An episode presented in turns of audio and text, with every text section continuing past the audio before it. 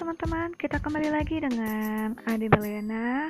Nah, kali ini aku bakal ngajak teman-teman untuk mendengarkan podcast ini, di mana podcast ini adalah uh, sharing season bersama uh, salah satu founder manajemen modeling.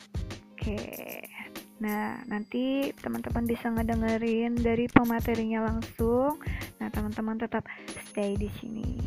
Oke, okay? out. Oke, kita langsung aja teman-teman.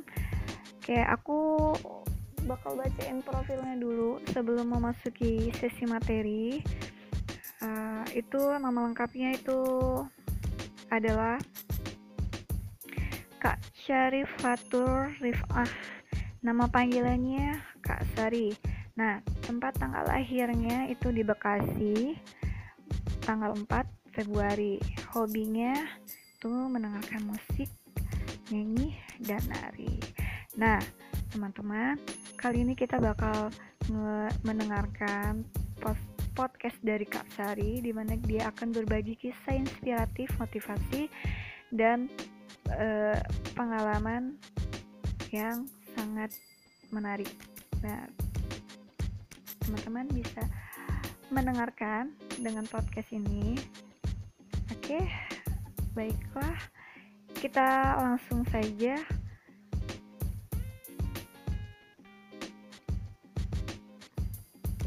Silakan, Kak Sari.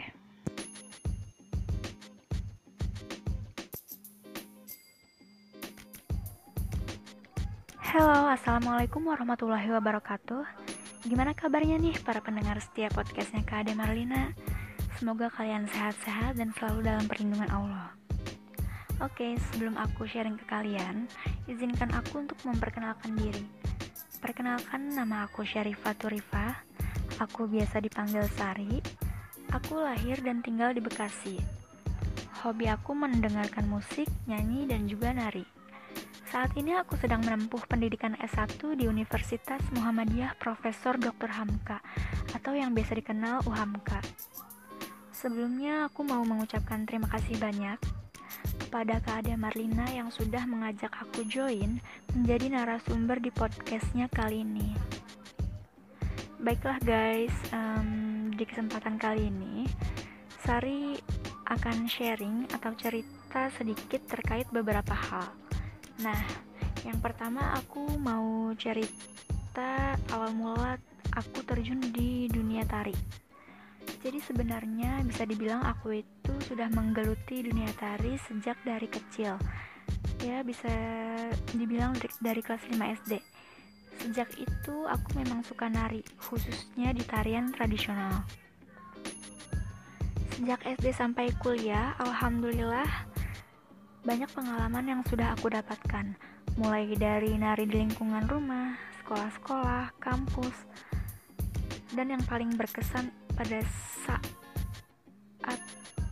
itu aku mengisi acara konferensi Forum Rektor Indonesia yang diadakan di JCC. Kenapa acara itu sangat berkesan? Karena pada saat itu acaranya dihadiri oleh Bapak Presiden Joko Widodo. Dan yang paling terbaru di bulan Februari kemarin Alhamdulillah aku mendapat kesempatan bisa nari di negara tetangga, yaitu di Malaysia, lebih tepatnya di kota Ipoh dan di Kuala Lumpurnya. Dari dulu aku itu punya prinsip untuk menjadikan hobi aku sebagai profesi sampingan aku. Dan aku pun sudah merasa bahwa hobi nari aku ini sudah menjadi passion aku. Selama aku terjun di dunia tari, aku juga pernah merasakan mendapat bayaran yang cukup kecil, mulai dari 50.000 sampai 300.000. Tapi pada saat aku mendapat bayaran ya yang cukup rendah, aku nggak merasa sedih ataupun merasa terbebani, karena aku senang menjalaninya. Karena nari itu memang sudah menjadi hobi dan passion aku. Tapi semenjak aku mendapat kesempatan nari di Malaysia kemarin, alhamdulillah pendapatan aku dari job nari bisa lebih meningkat dari yang sebelumnya. Oke, selanjutnya kalau mengenai aku terjun di dunia modeling itu, aku mulai di tahun 2017. Awalnya aku cuma ikut lomba-lomba fashion show sampai pada akhirnya di tahun 2018 aku bergabung dengan Lazer Management yang menaungi event modeling talent hijab Indonesia. Dan di situ aku menjadi member di angkatan pertamanya.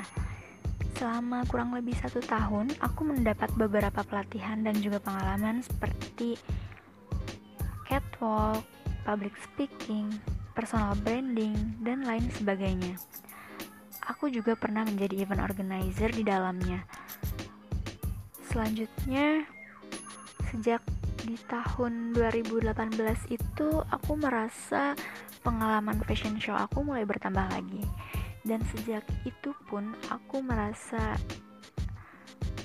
senang karena aku bisa tampil fashion show mengenakan busana-busana dari beberapa brand dan juga dari beberapa desainer lokal. Serta aku mencoba pengalaman baru menjadi MC. Dan sampai di tahun 2019 pun aku masih cukup aktif di dunia di dunia modeling. Walaupun sudah tidak seintens dulu di tahun 2017 dan 2018. Oke, pembahasan berikutnya aku mau cerita sedikit awal mula aku mendirikan Icon Muslimah Indonesia. Jadi aku ini berniat ingin mendirikan Icon Muslimah Indonesia karena yang pertama aku melihat fashion muslimah di Indonesia ini sudah berkembang dengan cepat. Selain itu banyak juga desainer-desainer busana di sekitar kita yang masih pemula tapi dia bingung cara untuk mempromosikan busana busananya itu bagaimana.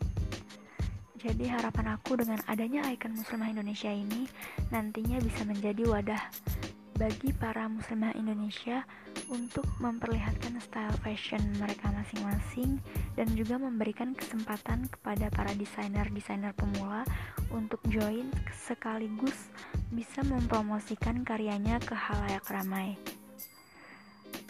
Dan harapan aku dengan adanya ikon muslimah Indonesia ini bisa menjadi tempat untuk bersilaturahmi dengan sesama muslimah dari berbagai kota. Dan dan satu lagi, motivasi yang paling penting bagi aku yaitu untuk menarik perhatian para wanita muslimah untuk berhijab. Dan dengan adanya ikon muslimah Indonesia ini bisa membantu mereka yang belum berhijab menjadi ingin istiqomah berhijab dalam kesehariannya. Selain karena alasan-alasan yang sudah aku sebutkan barusan, aku bertekad untuk mendirikan ikon muslimah ini karena aku merasa sudah cukup pengalaman.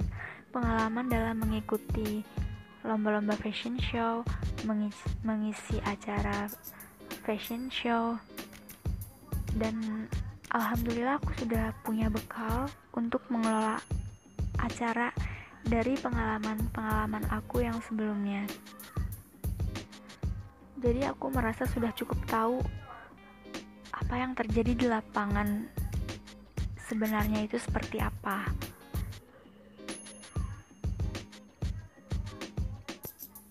Yang terakhir, aku mau kasih pesan-pesan untuk kalian yang baru mau terjun di dunia modeling. By the way, untuk menjadi model atau menjadi apa pun itu, tidak ada yang instan. Pasti semuanya harus dimulai dari bawah.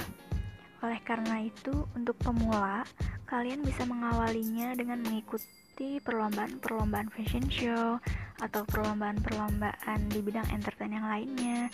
Dan bagi kalian yang mempunyai uang yang cukup, kalian juga bisa mengawalinya dengan mengikuti sekolah modeling. Di situ kalian pasti akan dilatih public speakingnya, melatih personal branding kalian, dan lain sebagainya. Dan dari situ pun kalian jangan merasa takut, malu, ataupun gak pede. Enjoy aja.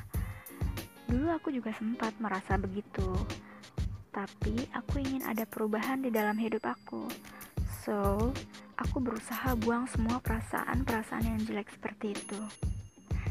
Ingat, kita itu harus bisa keluar dari zona nyaman kalau mau ada perubahan untuk diri kita yang lebih baik lagi. Baiklah, sepertinya sudah cukup sekian sharing kita kali ini. Semoga bermanfaat.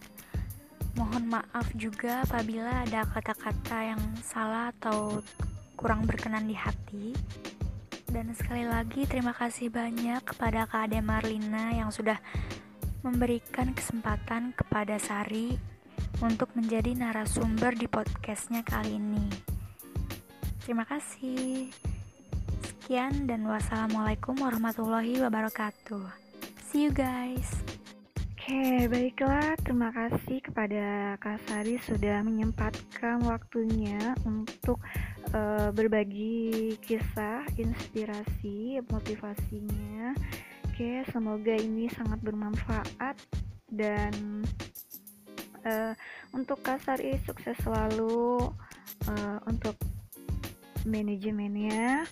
Lalu semoga ke depannya lebih sukses lagi dan berjaya amin.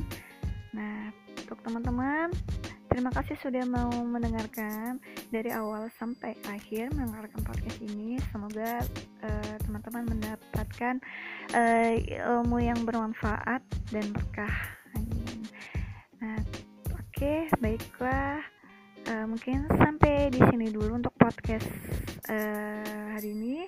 Terima kasih banyak dan teman-teman tetap selalu stay di sini mendengarkan podcast berikutnya dengan topik yang berbeda. Oke, okay, bye bye.